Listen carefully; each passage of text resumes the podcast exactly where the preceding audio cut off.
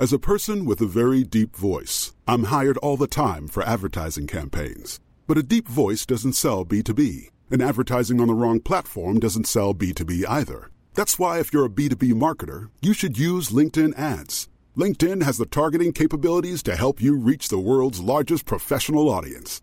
That's right, over 70 million decision makers all in one place. All the big wigs, then medium wigs, also small wigs who are on the path to becoming big wigs. Okay, that's enough about wigs. LinkedIn ads allows you to focus on getting your B2B message to the right people. So, does that mean you should use ads on LinkedIn instead of hiring me, the man with the deepest voice in the world? Yes. Yes, it does. Get started today and see why LinkedIn is the place to be to be. We'll even give you a $100 credit on your next campaign. Go to linkedin.com slash results to claim your credit. That's linkedin.com slash results. Terms and conditions apply.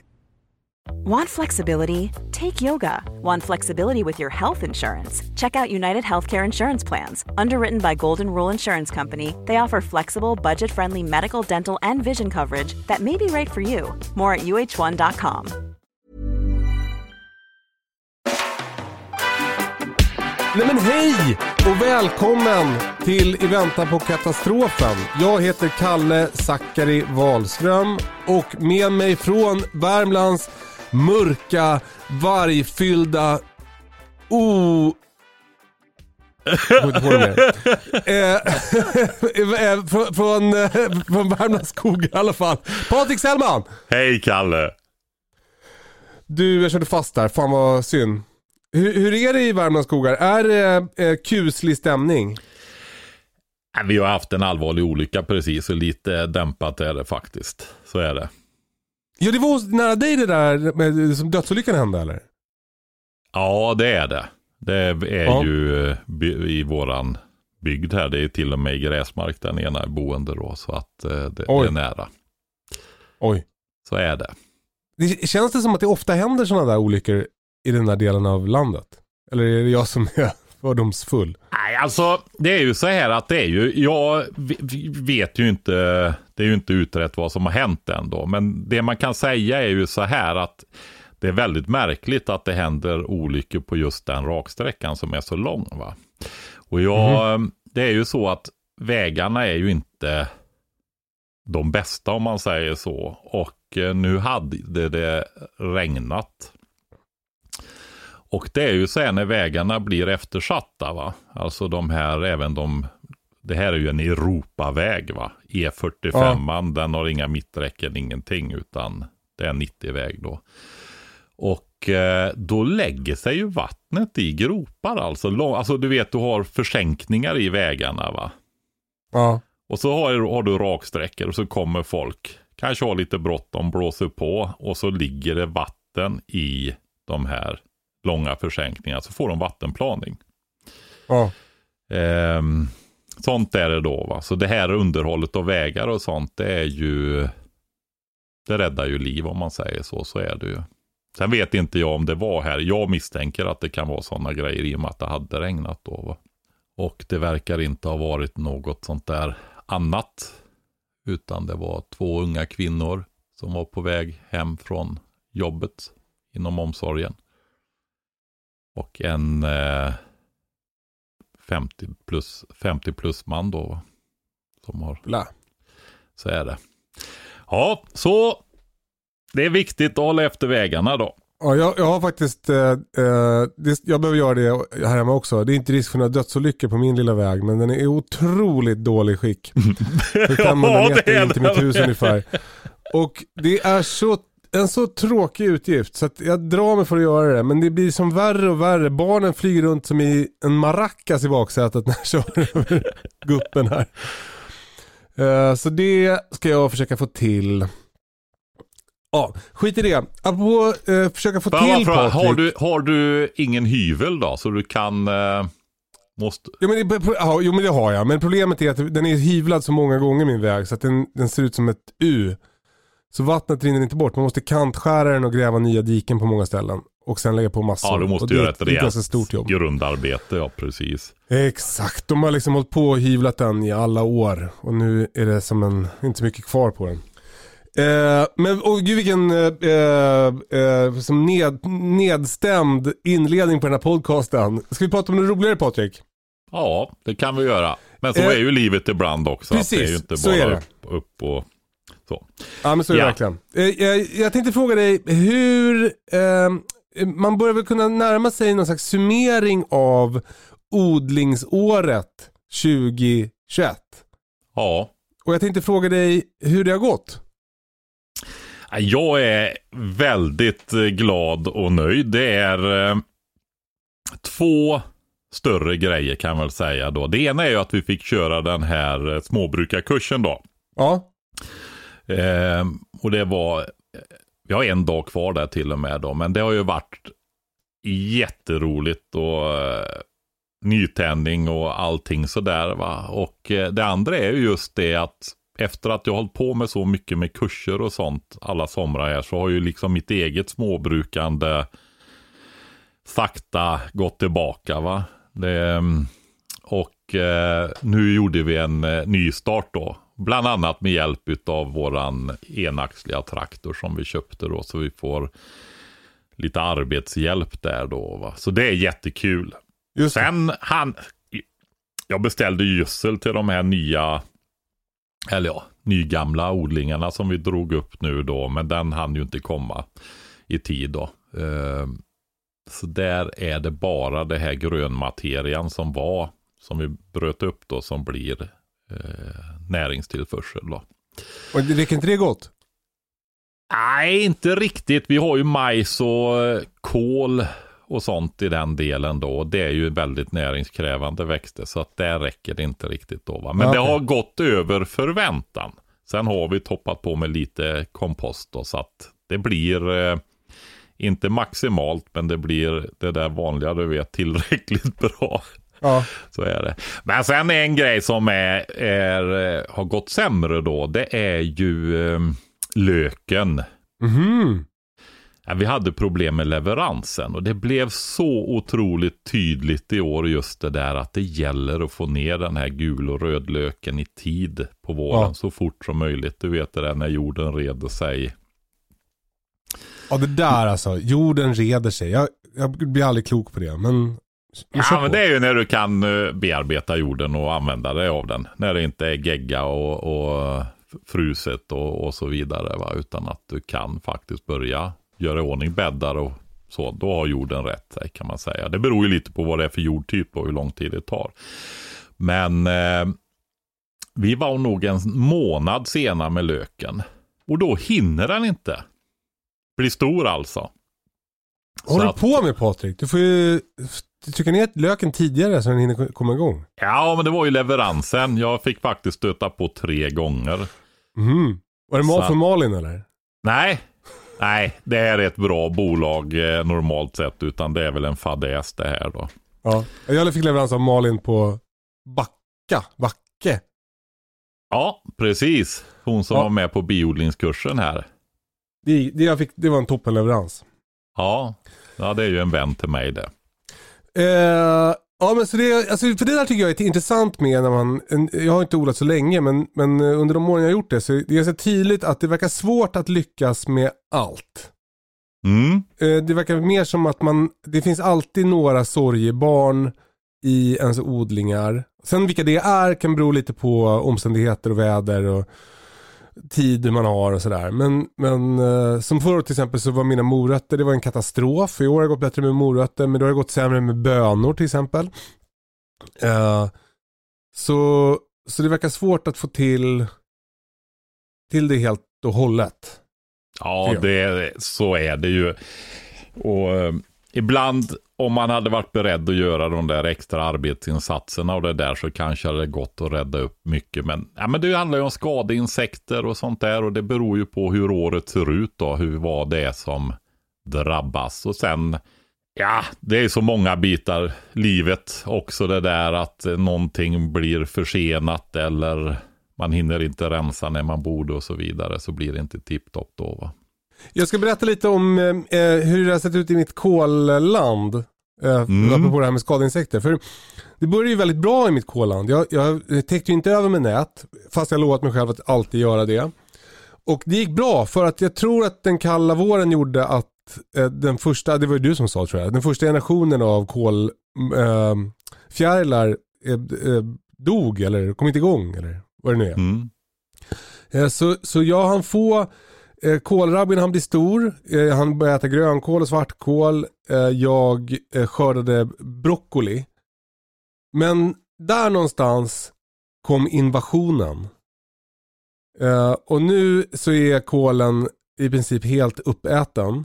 Ehm, men kålrabbin, knölarna är ju kvar så de, de har ju klarat sig. Så det, den strategin funkade bra. Broccolin, det var väl kanske en tredjedel av skörden som gick till spillo. Eh, vitkålen blev ingenting. Blomkålen blev ingenting.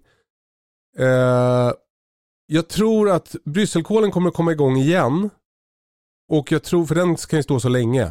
Ja. Och, och också eh, grönkålen och svartkålen börjar komma igång igen nu. Jag tror att eh, det har blivit för kallt för, för kolfjärilarna. Så nu, nu tror jag att vi är ute på andra sidan så att säga. Men nästa år så lovar jag att jag ska täcka över. ja, jag täcker aldrig över. Gör inte det? Ja just det, du, har ju, du kör inte på, på den typen av skydd. Nej, jag och ingen... Eh, Det är som att äta karameller med pappret på. Ja, det är så här. Det är faktiskt en grej som var väldigt tydlig. Jag sa ju det i det här nyuppbrutna nu då, eller återuppbrutna odlingslandet på 3-350 kvadratmeter där som jag har utökat med i år då. Så um, har vi mycket kol. Och det är ju en bit ifrån mina sådana här eh, biologiska mångfaldshäckar och vindskydd och alltihopa det som du såg. Det är liksom i den södra delen av trädgården så är det ju, vad kan man säga, väldigt frodigt. Ja. Med perenner, örter, bärbuskar, fruktträd, massvis va. ja. Och Som en djungel. Ja, lite så är det.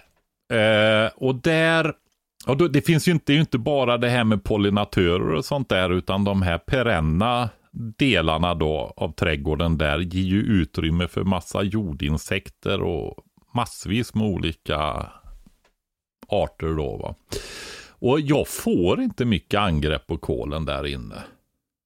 Och nu har jag en blomkål som brukar vara ett sorgebarn för mig då Ja kräver att man är precis och så vidare. Det får inte bli stress åt något håll då, för jag har så stora fina blomkålshuvuden. Och Oh. de står där och broccoli och ja, sådana saker. Och alltså nere i eh, det gamla där det är mycket biologisk mångfald och många olika arter och perenna system och sånt där också runt omkring. Där är i princip, du, du kan nog hitta något litet hål i något blad eller någonting sånt där. Va? Stora gröna fina kolplanter. Och så går man upp på den återuppbrutna marken då, där jag har huvuddelen av kolen. Där är det mycket mer angrepp alltså. Fast det är inte det här invasions, alltså att det blir totalförstörda skördar och sånt där. Utan här är det det att man ser att de är sargade, men att det kommer ändå bli fina vitkålshuvuden när man har tagit av ett par blad. Va? Ja. Ja.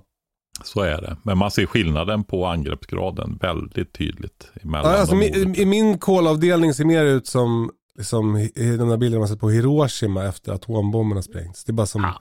Det är bladnerver som är kvar i princip. Ja. exakt. Mm. Men det är fint att se då hur grönkålen, den bara, jag väntar, jag väntar. Och sen när larverna dör för att det blir för kallt, då börjar den växa igen. Så snart kan vi äta grönkål och svartkål igen. Mm. Det är fint. Ja, de är ju tacksamma på många vis, grönkål och det. Just speciellt grönkålen, just att du får du lite värme på hösten så växer den väldigt bra alltså. Och sen kan ju den stå ända in i vintern om inte du har eh, ja, rådjur och sånt som kommer att äta upp den för dig då. Jag eh, har dock lite stress över allt som ska upp ur jorden nu. Mm. Eh, ja, min potatis måste jag få upp. Eh, mina rödbetor måste jag få upp och mina morötter måste jag få upp. Och kålrabbin. Allt ska in i jordkällan. Jag har inte haft tid. Nej, men jag kan väl säga så här. Du har en månad på dig ungefär. Jag har en ganska intensiv månad i mitt liv men Ja, det är det, det, är det ju. med faktiskt. vi har ju lite projekt jag och du också så. Ja men exakt, jag tänkte vi skulle prata lite om det också Patrik. Ja det kan vi Eh, göra. Och, eh, vi, eh, det är ju nu, för er som eh, inte jobbar som eh, lärare, eh, så kan jag berätta att det nu är vecka 37. Eh, om två veckor är det således vecka 39 och då är det beredskapsveckan i Sverige. Okej. Eh, nej, men det är kul. Eh, eh, jag, jag vet inte exakt vad beredskapsveckan innebär men jag tror att det är någonting som MSB har initierat och det verkar som att det pågår aktiviteter runt om i Sverige som eh, eh, alla syftar till att höja beredskapen i riket. Och det passar ju bra för oss för det är ju också vårt syfte med den här podcasten. Mm. Där drar vi åt samma håll verkligen då. Va? För att det är ju det. Eh, man kan väl, vi pratar ju mycket småbruk och sådana saker och det är ju vårat andra syfte. Det första syftet är faktiskt att eh, vi måste höja beredskapen i landet. Alltså det är att få en insikt i att det är inte bra när vanliga hushåll med friska, sunda människor inte klarar av en till två veckors beredskap i alla fall. Va? Om det händer någonting. Eh, det kommer ju ingen hjälp. va? Det gör inte det. De kommer att ha fullt upp med gamla och sjuka om de ens mäktar med det. Och ska jag vara ärlig så är de flesta eh, kommuner inte där heller. va. Eh, det är några kommuner som börjar nu och det är ju en av de kommunerna vi ska samverka med då va? Under beredskapsveckan här nu.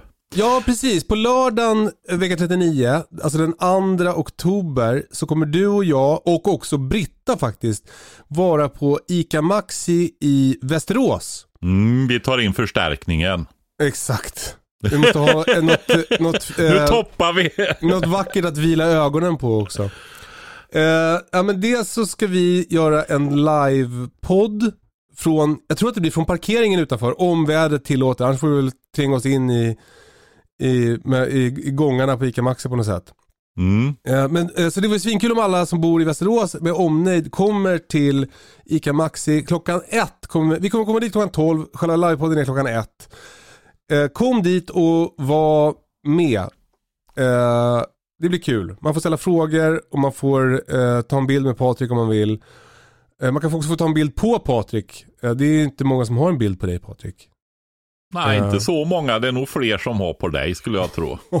Det tror jag också. eh, nej, men då, då hade jag, jag hade ett telefonmöte igår med eh, eh, Västerås kommun och de pratade just om det där. Att så här, eh, eh, de inser att eh, de måste få invånarna i Västerås att höja beredskapen därför att de, det kommer inte, de kommer inte att kunna hjälpa folk om det händer någon allvarlig kris. Utan de kommer att ha fullt upp, som du säger, med att hjälpa eh, eh, svaga i samhället. Alltså äldre och sjuka eh, kommer att prioriteras och det är, ja men du brukar säga det där Patrik, att den som är ansvarig att fixa mat i vanliga fall är också ansvarig för att fixa mat i händelse av kris. Och, Mm. och då får man bara fundera över så här, om mataffären är stängd, om ICA Maxi i Västerås mot förmodan, det är en toppenaffär. om, de, eh, om de inte har någon mat i hyllorna, ja då finns det ingen mat att köpa och då har man ingen mat hemma. Nej, och det är det. Och man behöver tänka efter lite och fundera på hur den situationen skulle vara. Och det är ju så här att när den där allvarliga saken händer, då är det för sent. Du kan inte sitta och vänta tills du vet att det ska hända någonting, utan det här är en försäkring som du ska ha. Därför att du bryr dig om din familj och de som finns i ditt hushåll. Mm. Och det är det är alltså tre, fyra år sedan som eh, staten då, som alla förlitar sig på va. Och tror att någon annan ska lösa allting hela tiden. De gick ut och sa att det finns ingen beredskap. Varje hushåll måste ta hand om sin egen beredskap. De som kan ska göra det. Och det är ju i princip huvuddelen, eller eh, ja, merparten utav hushållen då. Va? Och ändå så gör de inte det, hushållen.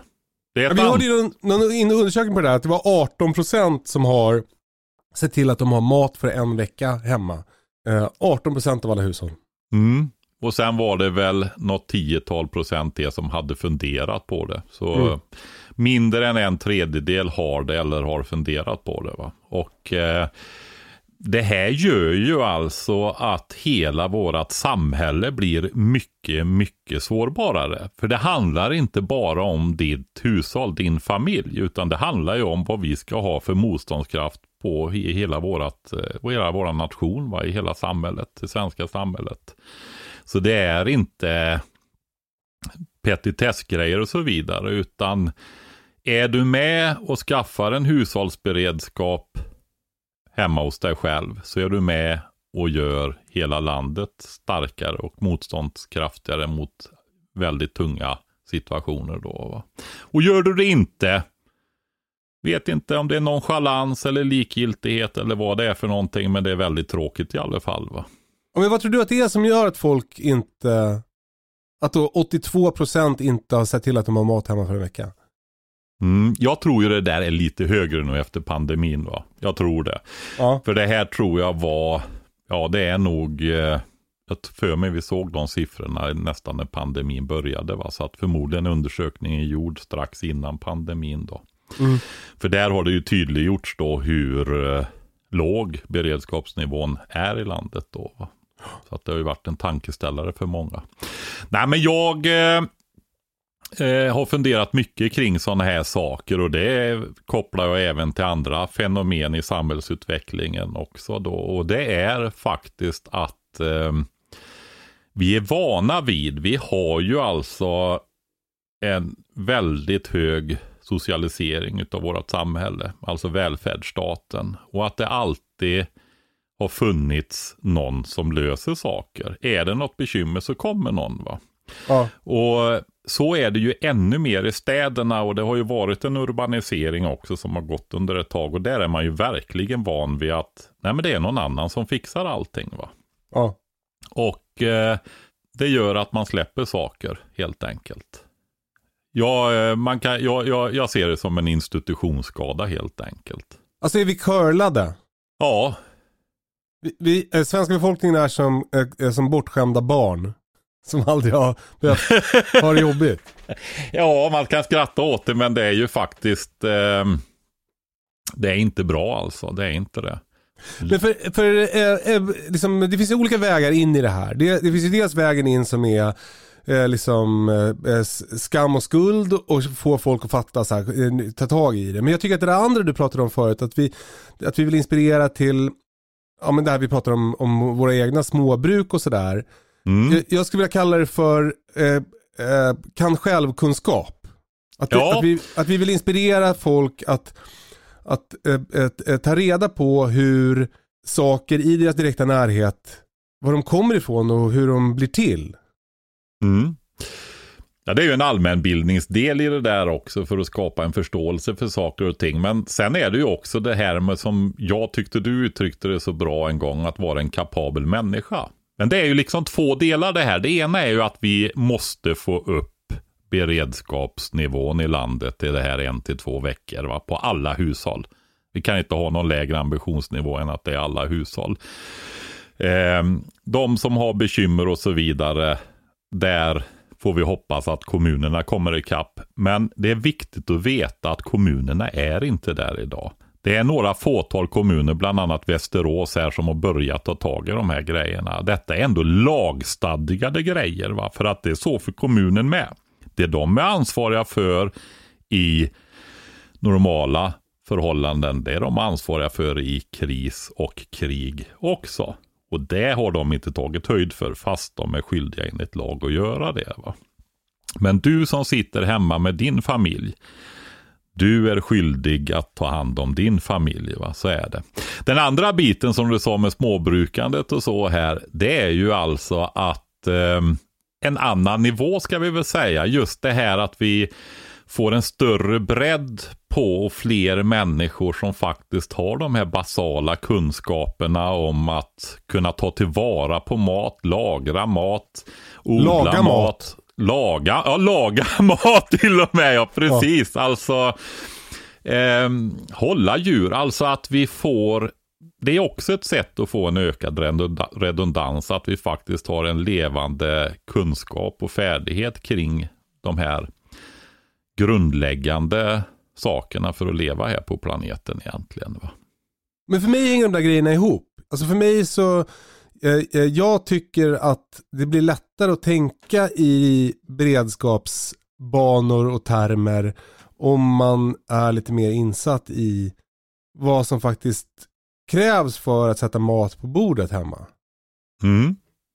Eller för att värma upp sitt hus. Eller för att, alltså om, om allt bara, jag tror att den där liksom curling-grejen är att vi, att om, om värme bara är någonting som, som är, alltså om värme i mm. huset bara kommer av sig själv, från ett fjärrvärmeverk eller, jag vet inte ens hur det går till. Ja. Eh, då, då tar man det för givet. Mm. Men om man, om man börjar liksom intressera sig för och, och fixa ved och sådär, då, då blir det tydligare för en liksom, att, att, att det finns arbete och, och, och så bakom för att det ska bli något. Ja, det är mycket arbete bakom. Det är ju en sån där sak man upptäcker när man börjar göra mer grejer själv. Vad enormt mycket arbete det går åt till att försörja en människa va? Ja. Du jobbar ju mycket, och det gör jag med, mycket på eh, mat. Ja. Och producera själv då va. Men sen har du, ja och värme också kanske då va. För du, eh, nu har ju du värmepumpar och det har jag gått över till också då. Men jag har ju värmt med ved i över ett kvarts sekel då va. Ja. I bakugnen. Eh, koppla på med kläder och skor och andra viktiga basala förnödenheter. Så liksom, ja men förr folk höll ju på när sol från solen gick upp till solen gick ner va. Med att överleva. Ja, och kanske skapa lite utrymme för ett utökat välstånd också va. Mm. Men, eh, och sen på vintern så var man ju styrd väldigt mycket av om man kunde skapa ljus då va. Jag kan ta ett exempel. Jag, äh, häromdagen så, så vi har på byggt bastu här under sommaren. Ja. Äh, och äh, häromdagen så tällde jag en äh, slev. Alltså en vatten, för att kunna slänga vatten på aggregatet. Mm. Äh, och ja, men det tog ju fan en hel jävla dag. Och den är fortfarande inte klar. Och det är bara en liten slev. Ja. Det där påminner, alltså det där är någonting som vi skulle ta i något avsnitt också. Slöjdande och sådana saker. Jag pratar gärna slöjd. Kul. Ja, du menar att vi ska göra det nu? Ja. Okej. Okay. Ja, nej men eh, vad gjorde du din slev av för material? Ja, jag begick ett misstag redan i materialvalet kan jag säga. Ja. Eh, därför att jag eh, valde eh, ett material som jag tog, jag, jag, jag, jag fällde en eh, asp. Ja. Eh, som jag eh, tog biten längst ner och begick slöjd på. Och den, det var, det, asp är väldigt mjukt. Mm. Och också eh, när jag började liksom få ordning på själva skålformningen i slevens själva slevdel. Ja. Då visade det sig att det var, eh, aspen hade någon slags eh, röta på ett ställe. Så jag fick ett hål i, i själva slevdelen. Så nu, nu har jag försökt täta med linolje-shit. Vi får se om det funkar. Ja. Uh, men jag, jag, tror att jag skulle ha tagit något annat material. Mm. Ja, men du tog i alla fall färskt virke. Ja, precis. För det har jag lärt mig att man ska göra. Uh, och, ja. och, och, har man inte möjlighet att ta färskt virke så kan man, kan man stoppa bitar i frysen. Alltså man, när, när de är färska, då håller de sig färska och då kan man tälja i dem när man tar fram dem i frysen. Mm. Nej, men för det är så, därför att det är ju mycket lätt lättare och mjukare att använda färskt. Det är ju en sån där grej som man ofta ser när folk ska slöjda, att de försöker ta ut något ur en lite tjockare bräda, torkad bräda ungefär. Va? Mm. Och eh, det är ju väldigt tungbearbetat. Alltså du, har du ett bra färskt material att skära i och vassa verktyg, alltså det är ju en njutning att sitta oh. och göra det. Va? Alltså jag hittade inte mina slöjdknivar först när jag började, så då höll jag på med med min, en vanlig, liksom, min vanliga bälteskniv. Och, och det var så trögt. Och sen hittade jag slöjdknivarna och det var en sån fröjd. Med smala, flexibla, sylvassa blad. Ja, underbart mm. var det. Ja, men så är det ju ofta utav de här verktygen som, eller knivarna som eh, folk har. Eh, överlevnadsknivar eller bushcraftknivar eller någonting sånt där. De är ju ofta rätt breda över ryggen alltså. Gott och väl över 3 mm, ofta 4 mm eller mer. Och de är ju klumpiga. Ja. Så är de är det. gjorda för att hugga grejer med och kliva grejer med också. Ja, det är lite mer det som man kanske i våran kultur har yxan till då. Va? Mm. Uh, en kniv uh, ska ju vara liten och smidig för att vara uh, kunna göra mycket mindre detaljerade grejer också då. Va? Är det så att man har en lätt enkel utrustning där man kanske bara kan ha något enstaka verktyg så kanske kompromissen kan vara en lite grövre kniv då. Men, men jag, jag skulle säga så här, just det här med slöjdandet då, det är ju liksom också en Alltså vi har ju verkligen varit ett slöjdande folk. Ja. Eh, träåldern, alltså träåldern har ju pågått långt efter andra världskriget i vårt land. Eh, jag tror jag har nämnt detta förut, men jag ska ta det ändå i och med att det kopplas till just det här med eh, hantverket, slöjdandet. Att eh, en vän här, hans son köpte en gård och när vi gick och tittade i den gamla laggården där, då fanns det alltså ämnen som låg uppe på loftet till skacklar och till doningar. Doningar, det var ju alltså det här som man har och kör timret på medar och sådana saker då. Va? Eh, det låg där uppe och det var liksom grovtälligt med yxa. Eh, och så fick det ligga där, men då, och det var ju för att det var bearbetat när det var färskt då, så man hade tagit bort det som var ja, det mesta. Men finbearbetningen ja. hade man inte gjort för de hade tiden räckte inte riktigt till utan då gjorde man i ordning det finaste när man behövde det sen då. Va? Men det här är ju alltså 60, kanske till och med in på 70-talet så fortsatte man att göra sådana här saker alltså. Utav trä då. Ja. Och det man kan säga också är ju det att det här är ju någonting som är så tacksamt därför att du kan ju i princip sitta i vardagsrummet och hålla på med det här. va. Mm. I och med att du jobbar med passa och ganska få verktyg i färskt material framför allt ja men det blir ju inget damm eller någonting va. Utan du får ju fliser, det är ju bara att ta en skyffel och en sopborste och sopa upp där sen va. Ja. Så att det är ju inte det där att du måste ha någon verkstad eller något utrymme någonstans, utan ha en skön stol och sitt på. Jag har, eh, eh jag, jag har börjat göra en, en, ny slev för att jag eh, blev lite missnöjd med den första. Då hittade jag en stor gammal vril på logen. Den är ju ålderdomlig, den har legat där och torkat i 30 år säkert. Så den är mm. stenhård. Mm. Ja. Men då, då har jag börjat använda lite eh, power tools för att, för att bearbeta den. Mm. Och då dammar det ju och det blir spån och det, då blir det ju kaos. Ja. Just när du ska göra en slev då. Då är vrilar, det är ju mer för uh, kåsor och skålar och sånt. En vril, det är ju alltså de här knölarna som man kan se sitter på träd ibland. Precis, som en, en äh, missbildning. Ja, precis. Och det kan vara, det är ju det att den vallar över. Och det som är så fint med vrilen, det är ju det att årsringarna går som en skål nästan. Så gräver du ur den så får du ju årsringarna att följa materialet. Va? Ja. Och då blir det ju mycket starkare och du kan göra relativt tunna sidor i alla fall. Då, mm. eh, men vad du ska göra, när man gör en slev av olika storlekar då, en sked, det kan du göra ur ett ganska rakt material, för skeden är ganska rakt då. Va? Då får du årsringarna i, i längsriktningen utav skeden. Men om du vill göra en, en slev och kanske ha den lite böjd i själva skopan, då får du leta upp något som man kallar ett skvenne. Ett skvenne? Skvenne ja. Det Aha. är Du har ju egen mark och skog. Mm. Ofta kan jag också säga så här att håller man på med sånt här, det är ju lite ändå tidskrävande arbete och så. Så att eh, man gör ju inte åt enorma mängder med material. Eh, så att det brukar inte vara problem att få ta den här typen av material hos folk heller som har lite mark om man hör med dem. Va? För det här ingår ju inte i allemansrätten. Då. Men om du har en, ett dike eller någonting på din mark och det växer björk där. Mm.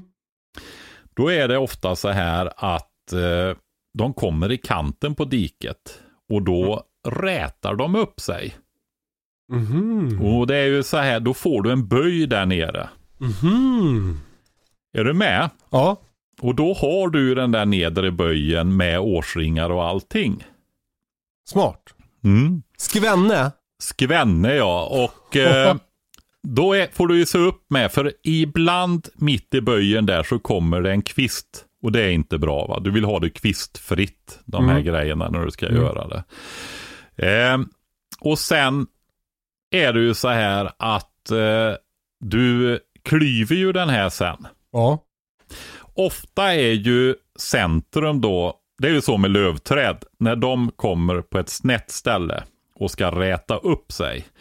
Så är det så att lövträden, de bygger på på utsidan och liksom trycker upp i böjen. Mhm. Medan barrträden gör tvärtom. De drar på insidan av böjen istället för att rät, räta upp trädet. Då. Så det påverkar ju fiber eller årsringarna och sånt då i, i trädet en hel del. Och det innebär ju då att i ytterbågen så blir det mer ved då. För du vill ju klyva en sån där sen i precis i mitten va. Mm.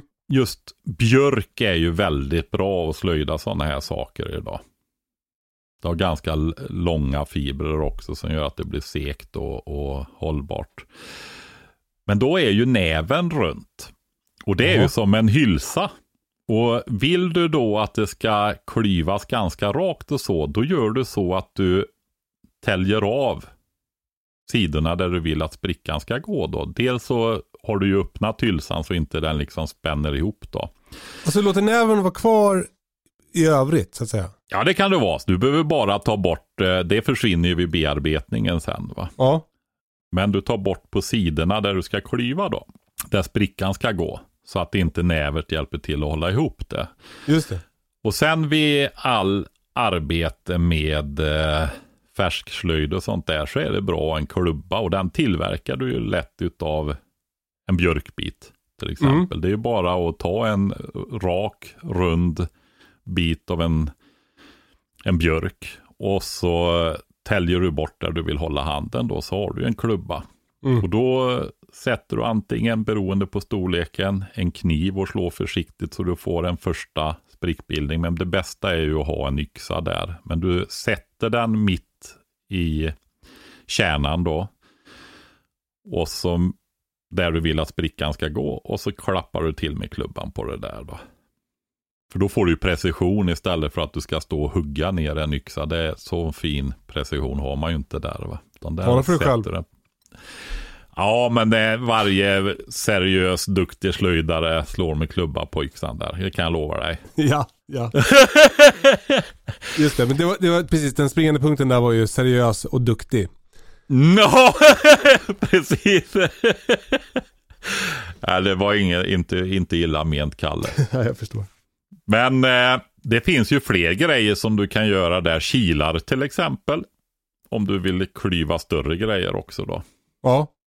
Så gör du ju det. Och en klassiskt bra grej att göra kilar av. Där du alltså med klubbor som du kan tillverka av träd och så runt omkring då kan klyva rätt stora grejer med enkla medel. Det gör du utav eh, grangrenar. Jaha. Alltså de grövre grenarna på större granar. För de är väldigt hårda. Mhm. De är, det är täta årsringar som tusan i dem alltså. Så där får du fint kilmaterial och, och spränga, isär lite, spränga isär lite större bitar då. Coolt. Det kan, det kan du ju även jobba med eh, baksidan då, skallen på en yxa kan du ha slå på kilarna också sen då för att spräcka isär. Men om vi tittar då, då har vi använt kniv och yxa för att få det här skvännet. Mm. Och eh, sen vill du gröpa ur den där. Mm. Och um, när man gör mindre sådana här urgröpningar som i skedar och små slevar då, då finns det ju någonting som heter skedkniv.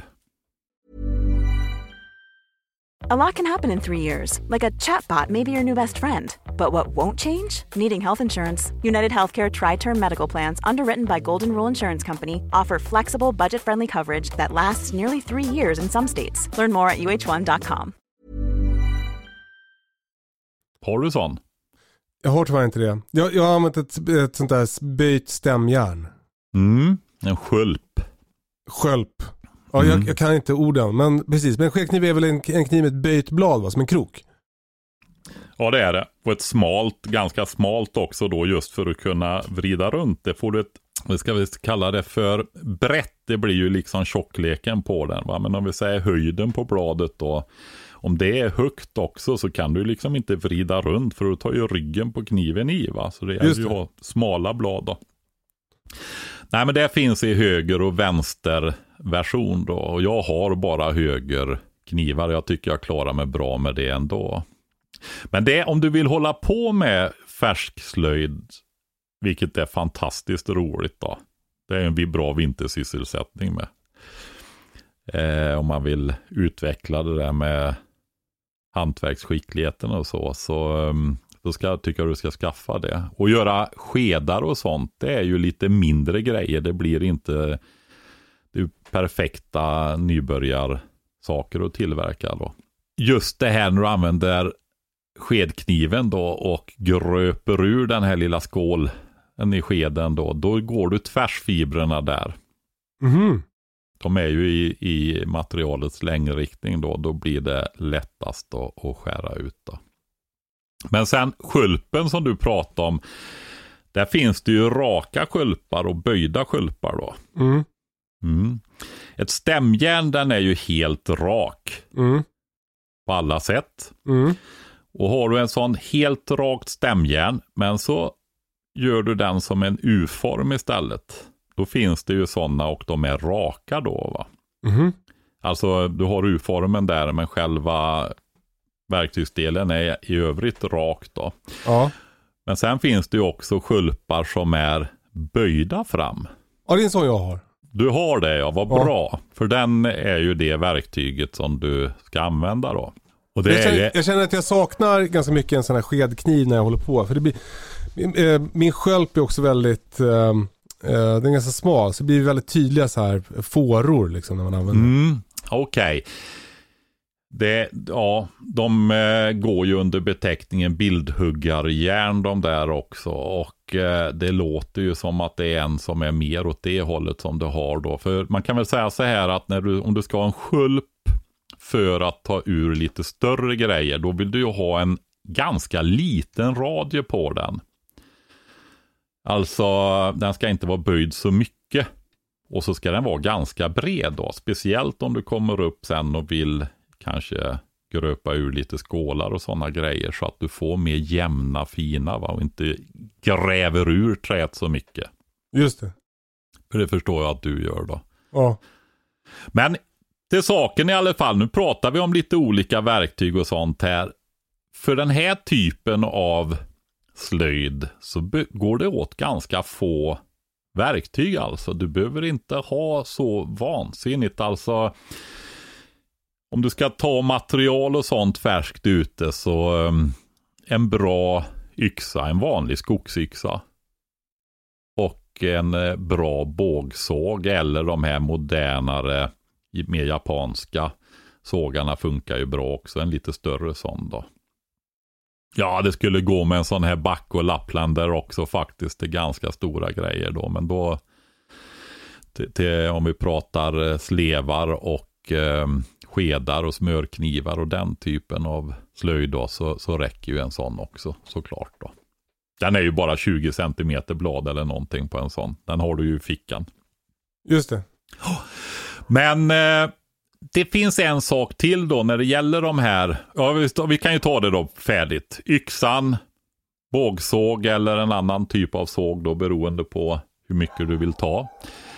Och sen vill du ju ha en slöjdkniv och det pratade du på förut där. Att den var så smal. Mm. Mm. Den, har både, inte, den är inte tjock över ryggen. Utan vad är de för någonting? Ja, de är ju i alla fall kanske 2-2,5 millimeter eller någonting sånt där. Va? Men sen är de inte speciellt höga heller. De är ganska ifrån äggen upp till ryggen så är det inte så långt heller. Va? Har ja, det ser en... alltså, som en liten filékniv liksom. Mm. Okej, okay, det är den modellen du har. Ja. Den är ändå ganska lång. Bladet är någon decimeter eller så va? Ja, sju centimeter. Sex ja. centimeter. Mm. Det finns ju eh, en sån och sen finns det de som är ännu kortare ändå va. Just för att kunna hålla på smålira och pillra och sådana här grejer med dem då va. Men en sån kniv är det definitivt och då är det faktiskt så att bland de bästa som finns det har våra vanliga Mora slöjdknivar. Och då får du ett laminerat kolstål också. Och det är bra när det är sådana lite tunnare blad. Därför att eh, ett laminerat kolstålsblad, kolstål det är ju ett hårdare stål. Eh, vilket gör att du vill ha det i äggen. Ja. För då håller äggen bättre. Ja. Den böjer sig inte och sådana saker utan den är vass och det dröjer ett tag innan det slits ner äggen också. Du måste bryna om för att hålla den vass. Va? Men sen har man då det här kolstålsbiten som är äggen. Där har man då vikt ett mjukare material över som är själva ryggen. Mm. Och det gör att den blir eh, ett hårdare blir ju sprödare också. Så då kan det ju brytas av. Va? Men om du då kombinerar det här hårda äggen med ett segare som ligger runt om så får du jättevass hållbar fin ägg och ändå en seg och starkt blad som inte bryts av så lätt. Va? Det var ju smart uttänkt. Ja, det är ju det och speciellt om du vill ha de här lite tunnare, smidigare för att kunna göra mer, ha mer rörlighet på kniven när du jobbar då. Ja. Så, så är ju de, och de är ju det vi pratar, en sån Mora slöjdknivar, de är ju så oerhört prisvärda. Förutom att de är bäst så kostar de ju, vad kan de kosta, 100-150 kronor styck liksom. Ja. Så, Kör, eh, kör på dig några sådana är väl ett tips då? Ja, det räcker med en sån klarar du väldigt länge om du håller reda på den alltså. Eh, en är ingen Patrik. Nej, just det. Nu, mm. Det där skulle jag, jag inte sagt. Det ska ju vara tre. Exakt, minst tre. Men man behöver ju inte ha det heller va. Alltså just det här med tre-regeln det är ju det att man har ju en riktigt bra grej men sen kan man ju ha reserver. Ja. Eh, faktiskt och då kanske det duger med vanliga moraknivar eller den här lite grövre bälteskniven eller någonting sånt där också då. Va? Just det. Ja. Så det går ju, behöver ju inte vara exakt en sån alla tre då om vi ska följa tre-regeln. Det, det lättaste man kan slöjda är väl att göra en smörkniv? Ja, eh, det är det. Och det är en väldigt eh, bra början. Jag börjar ju där när jag lär mina barn i släkten att tälja. Då börjar vi med smörkniv. Berätta hur, hur ni går tillväga. Mm. Det första vi gör det är ju att vi designar smörkniven då. Mm. För så är det ju med slöjd. Hur ska en sak se ut? Du ska ju skapa en sak. Hur ska den se ut? Det är liksom inte, visst man kan sitta och bara tomtälja höll jag på att säga och så kommer det fram någonting. Va? Men om du vill göra någonting, vad ska det här, vad, vad ska den ha för liksom, vad ska man tänka på? Mm. Så där börjar vi, så får de rita en faktiskt. Mm. Göra en mall och eh, vad tycker du Kalle, hur ska en smörkniv vara då om du ska ge den några egenskaper? Eh, den ska ju vara tunn och eh, eh, flexibel. Eh, och den ska vara lätt. Mm, lätt ja, okej, okay. men det blir det väl i och för sig om du gör den till exempel i björk då eller ene eller någonting sånt där. Mm. Men det är ju bra om den är skön att hålla i. Ja, det tycker jag också. Mm. Och sen är det ju så när man gör bruksföremål att det är ju bra om den är bra på det man ska använda den till också. Den ska vara bra att bre smör med. Eller någonting annat åt det hållet då, leverpastej eller vad det kan vara. För den ska ju vara bra att använda. Den ska vara skön att hålla i. Mm. Och sen när man ändå har chansen att göra någonting också. Så gör det ju ingenting om den är vacker också eller fin. Nej, verkligen inte. Precis. Och sen är det ju en, om du nu lägger ner så mycket arbete på att göra en sån här fin smörkniv. Det blir förmodligen ditt livs dyraste smörkniv. om du lägger in värdet på din arbetstid då. Ja, Eh, Så är det ju bra om den håller också. mm. ja det, det tycker jag det är superhärligt om den håller. Jag tror Ja. går sönder. Där har vi ju några bra kriterier då. Den ska vara bra på det man ska ha den till. I det här fallet att bre smör med. Den ska vara skön att hålla i. Du ska tycka om att använda den. Den ska vara hållbar. Och så ska den vara vacker. Ja, Det är väl ganska bra. Okej, Jättebra. då får de börja rita en sån här smörkniv då. ja. Mm.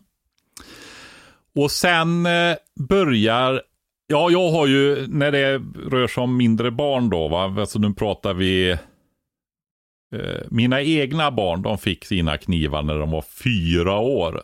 Men det är, jag har höjt den åldern nu när jag har blivit äldre. Så när de börjar skolan nu då så får de knivar istället. Eh, Jag, jag, gav, jag gav Essa en kniv när hon var fyra år. Britta Mm. var chockad. Kan jag säga. Men hon är ju ändå uppe från Västerbotten. Där Ja, ja det, det måste ha satt sina spår. Jag, jag tror att eh, ja, det, var, det var typ eh, det sjukaste hon har varit med om. Så det gjorde också att Essa nu är rädd för knivar för att Britta skrämde upp henne. Jaha, det var ju lite synd. Ja men det, där, det kan vi ta igen tror jag.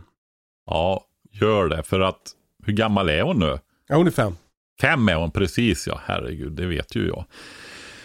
Eh, ja, men eh, jag tänker just det här med motorik och sådana där grejer. Och att inte glömma av sig lika fort och sådär. Så är det bra att höja från fyra år till sju år tycker jag. Mm. Och när man gör det då med små barn, om vi utgår ifrån det då, så eh, ja, det är mer att tänka på med små barn än med vuxna eh, såklart då. Så då kan man ju föra över det till vuxna med det som är tillämpbart där då. Så är det ju så här att man sitter väldigt ostört och man ser till att eh, ja, men att de sitter bra. Och sen får man ju berätta om sådana här saker som dödens triangel. Vad är det? Vet inte du vad dödens triangel är? Får du hålla på med kniv då, Kalle? Det är lite, man måste veta vad dödens triangel är när man ska hålla på med kniv. Det är alltså att sitta och tälja emellan benen. Du bildar ju, om du bresar på benen så sitter du, det är när du sitter folk runt eldstäder och sitter och pillrar med knivar och så vidare och hänger på låren och täljer där va.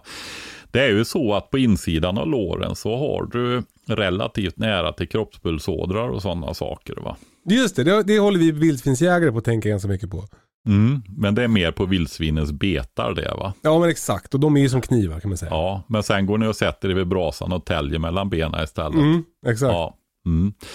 Eh, så där är man aldrig och täljer. Utan man sitter ovanför, alltså framför sig och täljer då. Va? Dödens triangel. Mm. Det är den som bildas där nere mellan benen när du bresar. Där är du aldrig och täljer. Om du fattar vad jag menar. Ja. nu vet du det, Kalle. Ja, nu vet jag det. Mm. Och eh, sen är det ju olika grepp och sånt där då. Men då tar man ett i taget. Och det där vanligaste det är ju grillspetstäljningen då. Att du täljer ifrån dig då. Mm. Så där, där kan man ju börja. Och det kan jag väl säga att det har vi gjort innan vi börjar med smörkniven då. Mm. Den första det här att ta upp kniven ur slidan, hur man pressar med tummen och inte bara sliter ut den så att den rycks ut och så vidare. Va? Och att man lägger tillbaka kniven där i när man går därifrån. Och inskärpa allvar i det hela då. Va? Att det här kan man skada sig på och att det här gäller att tänka sig för. Va? Mm. Och, och för att just eh, få in det här med allvaret då, eh, så är man väldigt noga med att poängtera det här med dödens triangel. Då förstår Ja. man allvaret av det hela och då blir det ja, väldigt spännande, spännande också. Tror du, tror du min nioåring nu då som har fått tälja en del har berättat om dödens triangel för sina klasskompisar. Alla i hennes klass vet ju det här nu va. Ja, ja. ja, det första snittet då, är, det, eller första metoden är eh, tälja ifrån sig. Ja, precis. Men man märker ju ganska snabbt när man täljer att man vill ju tälja ganska mycket emot sig också. Ja, alltså grejen är ju det att den där att tälja ifrån sig, den är ju ganska, Bordus. ja, kan vara tillämpbar just när det gäller att avverka en del, va? men den är ju väldigt okontrollerad. Det finns ju en metod där du sätter ryggen nedanför knät på kniven och har äggen framåt då, där du kan, och det är ju framförallt om du har något större kniv då, då kan du hålla material, om du är högerhänt så håller du kniven med högerhandet där och så drar du materialet med vänsterhanden över knivsäggen där för att avverka lite större. Men det är också relativt okontrollerat. då. Och ska du slöjda finare grejer då vill du ju ha bra kontroll. Och eh, det är ju så med slöjd att det är svårt att sätta tillbaka grejen när du har tagit bort för mycket. Det är så ju knäckande. Alltså det är så knäckande med slöjd. Att det, man kan hålla på i fyra timmar och så bara ett felskär så är allt förstört från början från början. Ja, jag kan väl säga att det där är ju det är fascinerande att se eh, de här barnen när de Ja, det är ju det att när jag täljer med andra, då är det ju nästan bara barn. va? Så är det ju. Jag har inte så många andra täljkompisar. Det är de som ställer upp. Om det är någon som bor i Värmland som, som vill ha en täljkompis. Ja, nej, jag lägger den tiden jag har där på det där faktiskt på att träna upp barnbarna är det, Ja, det är nu då. Barna har ju fått sitta. Men det som är typiskt då, det är ju det här att när de gör sina första så sitter de ju och putsar och putsar och det finns ju alltid mer att putsa och till slut Mm. sitter de och håller i en tandpetare nästan. det är en klassiker. Ja, Och, eh, lite ja, till, Då, lite till tänker man. Ja, där är det lite böjt och står bort lite och där är det ojämnt och ja, så. Och då har du ju ofta trapp, tappat det med proportionalitet, alltså vackerheten. Du har tappat hållbarheten och sånt där då, så att eh, den kan man ha tända med sen Mhm. istället. Mm. Nej, men det finns olika grepp som man i alla fall, det, det är ju liksom kanske inte podcasten det bästa forumet för att beskriva olika grepp och arbeta med kniv då. Men grunden för de olika, det är ju alltså det att du använder muskulaturen på ett sånt sätt att du inte får draget. Så att om det släpper saker och ting, att du inte sticker spetsen i din kropp. Va? Eh, man kan ju, ofta är det ju att jobba med bara muskulaturen i handen. Till exempel. Eller också att du använder båda händerna och trycker med tummen på ryggen på kniven framåt så har du bra kontroll också. Just det. Och tänk lite på var bladet kommer att hamna om du slinter är väl en- ett bra tips. Ja, alltså det är, är så här att du har några grundläggande tekniker som jag, man bör lära sig när det gäller eh, det är fyra, fem tekniker hur du använder en kniv när du slöjdar. Eller när du tillverkar saker överhuvudtaget. Det gäller ju även det de kallar för, för ja, de säger bushcraft. Jag gillar ju inte det här med anglofieringen så jag skulle säga friluftsslöjd eller någonting. Busskonst. Ja, precis, precis. Men, eh, eh, jo, men när du tillverkar saker i, i friluftsliv helt enkelt. Då, då, då eh, behöver du också använda de här teknikerna. Så det är en liten grej, men det är väldigt lätt att lära sig. Va? Så det krävs ju bara att man har någon som visar en. Det Så- finns väl så- på YouTube antagligen också. Ja, det gör det. Men just där också att man får förståelsen för att det handlar om att inte dra med hela armen emot sig och så vidare, utan att du jobbar med man får ju in det, det blir ju en automatik efter ett tag. Va? Och det är ju väldigt, väldigt trevligt eh, att sitta så. Det... Jag vill också säga till folk som lyssnar nu som kanske blir avskräckta, för jag är ju en sån som blir avskräckt, avskräckt när det är för mycket eh, startsträcka. Att det är för mycket Ja. att lära sig innan och sådär. Jag, om du är vuxen och liksom ansvarig för dina egna lemmar, då, då, då tycker jag man kan skaffa en bra slöjdkniv och, och försök. För ganska mycket kommer naturligt. När, när du pratar om de här olika greppen och så här, det, det är sånt som, som kroppen vill göra för att det känns, man har mest kontroll, eh, man påverkar ämnet bäst och man känner sig också säker för att man till exempel vinklar kniven så att om man slinter så hugger man sig inte i magen utan då träffar eh, eh, handen magen. Mm. Nej men så är det ju. Alltså, eh, om man ska prata lite mer om grejer, då fördjupar man ju sig och, och så. Då blir det rätt mycket information. Mm. annars skulle ju poddarna bara bli tio minuter men det, var långa. inte, det var inte kritik mot dig Patrik. Jag ville bara, jag ville Nej, bara jag säga det. att, Det att alltså, även om all den här kunskapen finns, alltså det är väldigt, det är väldigt bra och härligt att ha den här kunskapen. Men, men jag, jag, jag tror att, att ett sätt i alla fall för mig att ta mig an saker är att först sätta igång och då inse att jag måste ha mer information och då skaffa den när jag har en egen referensram som jag kan pula in den här kunskapen i. Mm. Nej men det är bra. kunskap Från, eh, från liksom att gå in i någonting som ett blankt papper, det, då har jag väldigt svårt att ta till mig kunskap.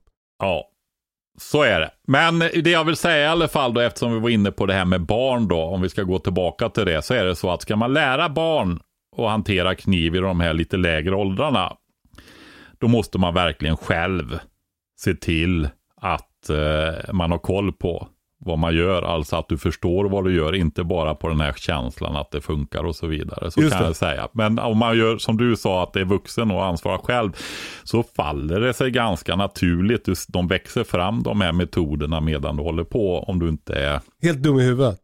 Nej, alltså vi... nej, så skulle- Orslög. Ja, precis. Orslög. Ehm, sen kan man ju vara slög också då. Va? Det är ju därifrån det kommer det här med slöjd och så också. Att vara händig, att vara kapabel faktiskt. Lite Mhm. klurig, Mm. de orden där då. Ja, coolt. Ehm, är det så att man inte har den här genomtänkta kunskapen om att använda kniv och kan förmedla den till ett barn så är det bättre att hålla sig till den där eh, grundregeln som många gör, att man täljer ifrån sig. Man spetsar grillpinnar va? Mm. Ehm, till att börja med då. Mm. Bara för att överhuvudtaget hålla i kniven då. För annars är det är så lätt för barn att glömma av sig. Och sen när man, man lämnar inte barn ensamma med kniven heller, åtminstone inte. För, för det har inte, även om barn är säkra att jobba med, så är det ju så här att de tappar fokus, de blir störda, eh, kommer av sig och glömmer av sig väldigt lätt. Va? Det kan gälla vuxna också. Speciellt vissa mer än andra. Så är det ju va. Och jag vill också säga det då att när det gäller barn så är det så här att du känner ju barnet. Och eh, tänj aldrig på gränserna när det gäller uthålligheten. Eh, det, man, eh, för det är ju fokus då.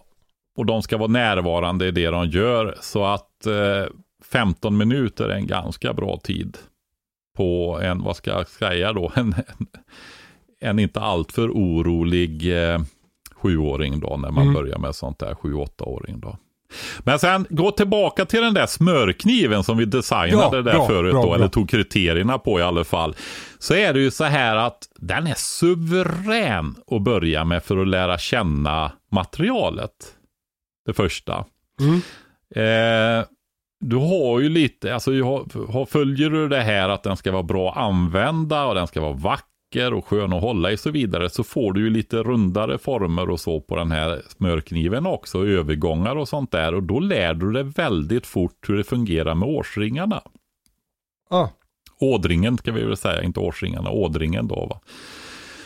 Eh, därför du kan ju liksom inte tälja in i så du hugger in i årsringen utan du måste, vad ska jag säga, tälja i utförsbacke va, längs med ådringen då va. För annars så skär du in och klyver materialet och så istället då va. Det blir svårt. Så du får ju ändra riktning på hur du täljer beroende på hur årsringarna går då. Och det lär man sig Smörkniv är fantastiskt bra att börja med.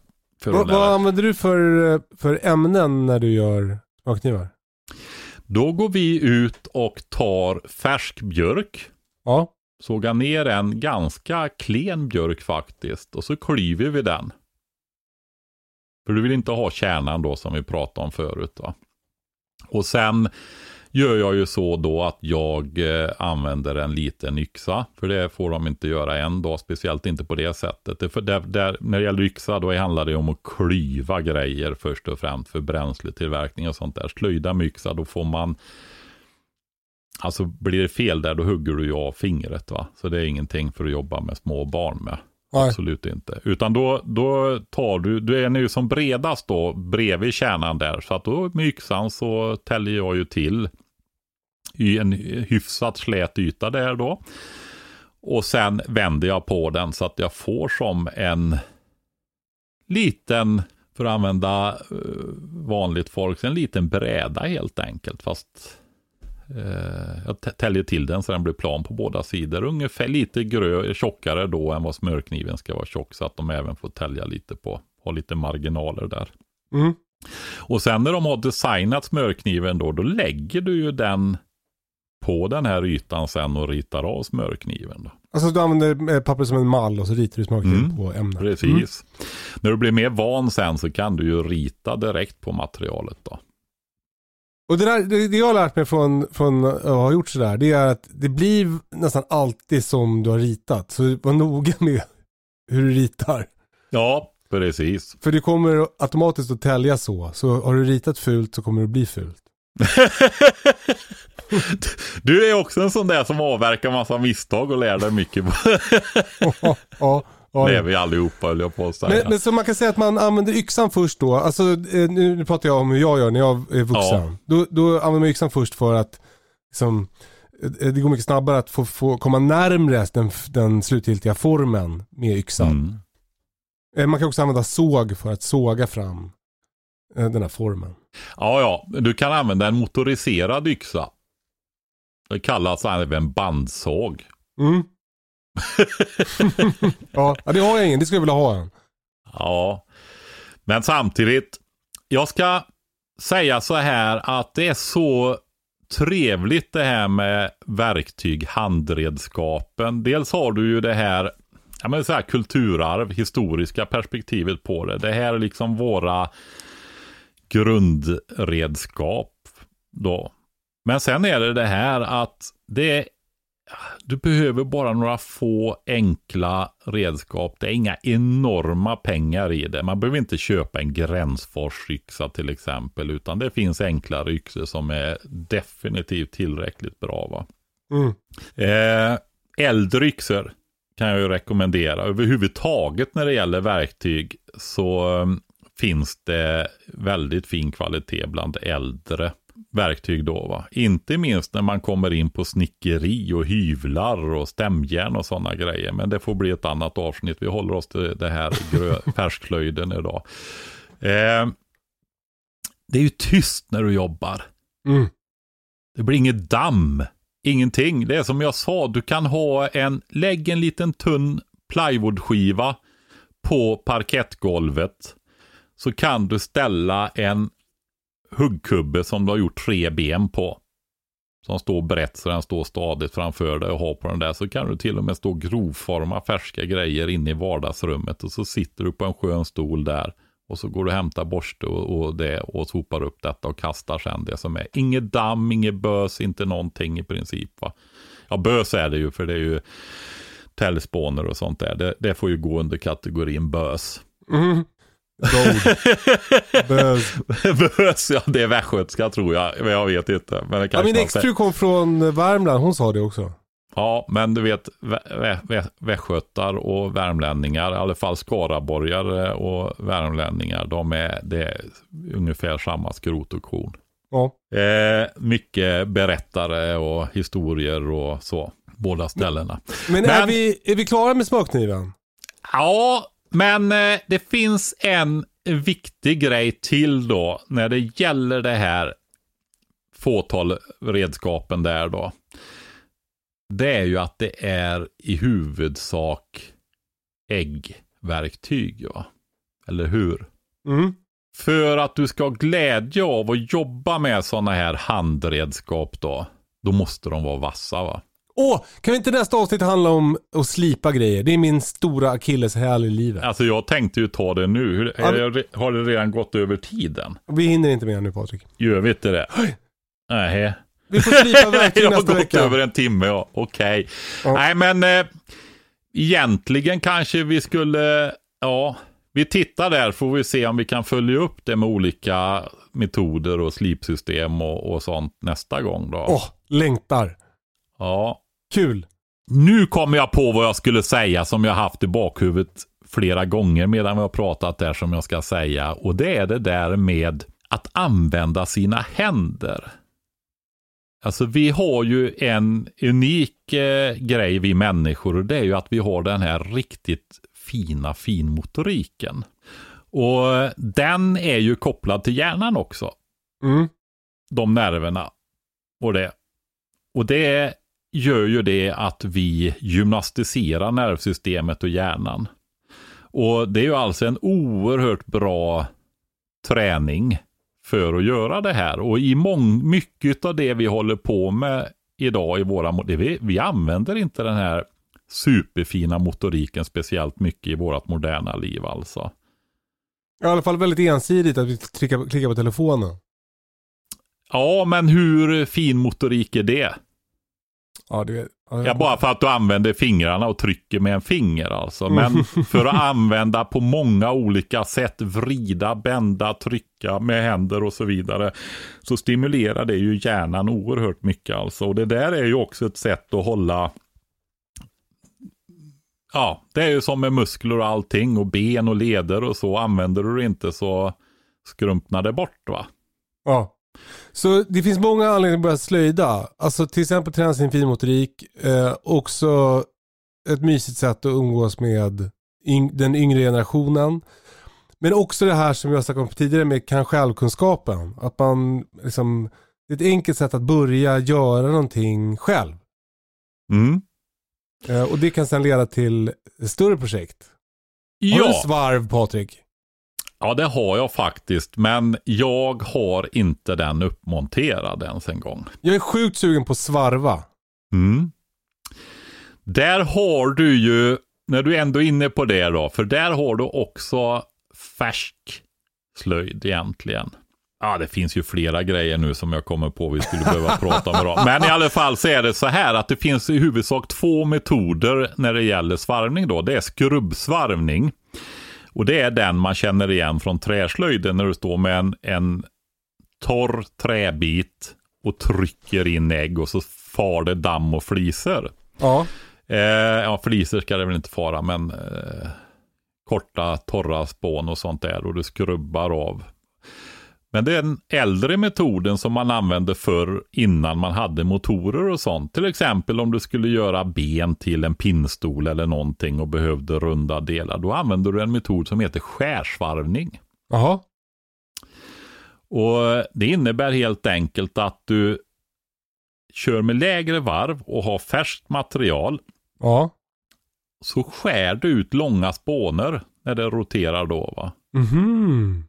Du går in och skär med den här så får du liksom, det bara, ja du vet de kan ju vara meterlånga de här som du Ja, coolt. skär bort. Ja det är det och det är ju en fantastisk känsla att svarva med det där då. Och det är ju en metod som man använder fortfarande till viss del när det gäller motoriserade då. Men då gäller det att ha en svarv som har låga varv som sagt var. Och det går inte med vilken svarv. Men metoden i sig den är ju från den här när man trampade Ja. och hade ett, en lina runt ämnet då. Så när du trampar ner så rullar det emot dig och så svarvar du och så har du en fjädermekanism, en stör eller någonting som drar upp linan och då tar du bort verktyget för att rulla det åt andra hållet och så trampar du ner och så skär du då. Så det går ju att bygga en svarv med väldigt enkla medel. Jag tänkte precis säga det. Eh, Patrik, vi skulle ha en YouTube-kanal så du kunde visa hur man bygger en svarv. Du, en sak till nu då. Ja. När man jobbar i färskt material Ja. så kommer ju den att torka sen. Ja, jag trodde det var något, det lät så akut. Ja, berätta. Ja, men det är ju det. Ja. Därför att det spricker ju Ja. om du gör fel. Ja, och då är det så här. Antingen, det finns två grejer då för att torka. Och det är ju det att antingen torkar man väldigt långsamt. Ja. Eller så torkar man väldigt fort. Jaha. Och vi är ju lite åt det där med väldigt fort. Och har du, det krymper ju och sådana saker också beroende på vad du gör för någonting. Men till exempel om du gör de här små sakerna som en sked till exempel. Ja. Om du har en kokt potatis Ja. och så gnider du in det här eh, slöjdämnet då som du håller på med. Och så vill du att det ska torka väldigt fort. Gnid in det i en kokt potatis. Med kokt potatis. Då suger den här stärkelsen ur och det torkar väldigt, väldigt fort. Jaha. Så kan du fin, så finputsar du ytan sen antingen med äggverktyg då. Jag tycker man ska göra med äggverktyg och hålla de där sandpapperna borta då. Va? Ja, Okej. Ja, för det är, annars inte säga, det är svårt att sandpappra ett färskt ämne. Ja, det är det. Dessutom då. Men jag vet inte, det, sandpapper, då, då faller ju den där och sitta på parkettgolvet i vardagsrummet för då får du ju det där dammet och bö, det där va. Och Mm. lära sig att finskära en yta, det är ju, ja en finskuren yta är ju väldigt levande och vacker istället. Alltså det är ju det där vet du att vi är ju sedan flera generationer uppvuxna i det industrialiserade maskinkulturen. Mm. Mm. CNC-maskinernas tidevarv. va? Allting ska vara rakt, exakta bågar, allting så här. va. Tittar du på äldre saker så är de, var de inte alls lika noga med sånt där för Att det skulle vara så exakt allting hela tiden. va. Nej. Alltså, det är våra ögon som är eh, tränade på det. Ja, vi är vi vana vid det liksom. Ja, hur vi ser på saker och ting. Va? Jag tycker det är lite stressigt det där. Det ser man i min trädgård. Det är inte mycket som är rakt där. Nej. Nej. Du har en väldigt fin trädgård. ja, jag gillar den mycket. Det är Patrik, måste vidare nu. Mm, nu får vi, just det, jag har också bråttom idag. Du. Du, eh, stort tack för idag. Eh, Du Mm. började i, i, i beredskapen i riket och odlingssäsongen och hamnade i slöjden. Eh, Det tycker Mm. jag var eh, en, eh, en fin resa att göra tillsammans med dig. Du, eh, vi hörs snart igen. Eh, till er som lyssnar, vi hörs om en vecka igen. Kul! Eh, följ oss på Instagram i väntan på katastrofen. Det kommer att komma mycket nyheter framöver. Jag säger bara så mycket. Och i Västerås den 2 oktober klockan 13.00 gratis livepodd. Eh, eh, Patrik kan signera ditt senaste slöjdalster. Eller se till att finputsa din smörkniv eh, om du tar med dig en kniv. Eh, Okej, akta er för dödens triangel. Vi hörs om en vecka. Puss och kram, hej då! Hej då!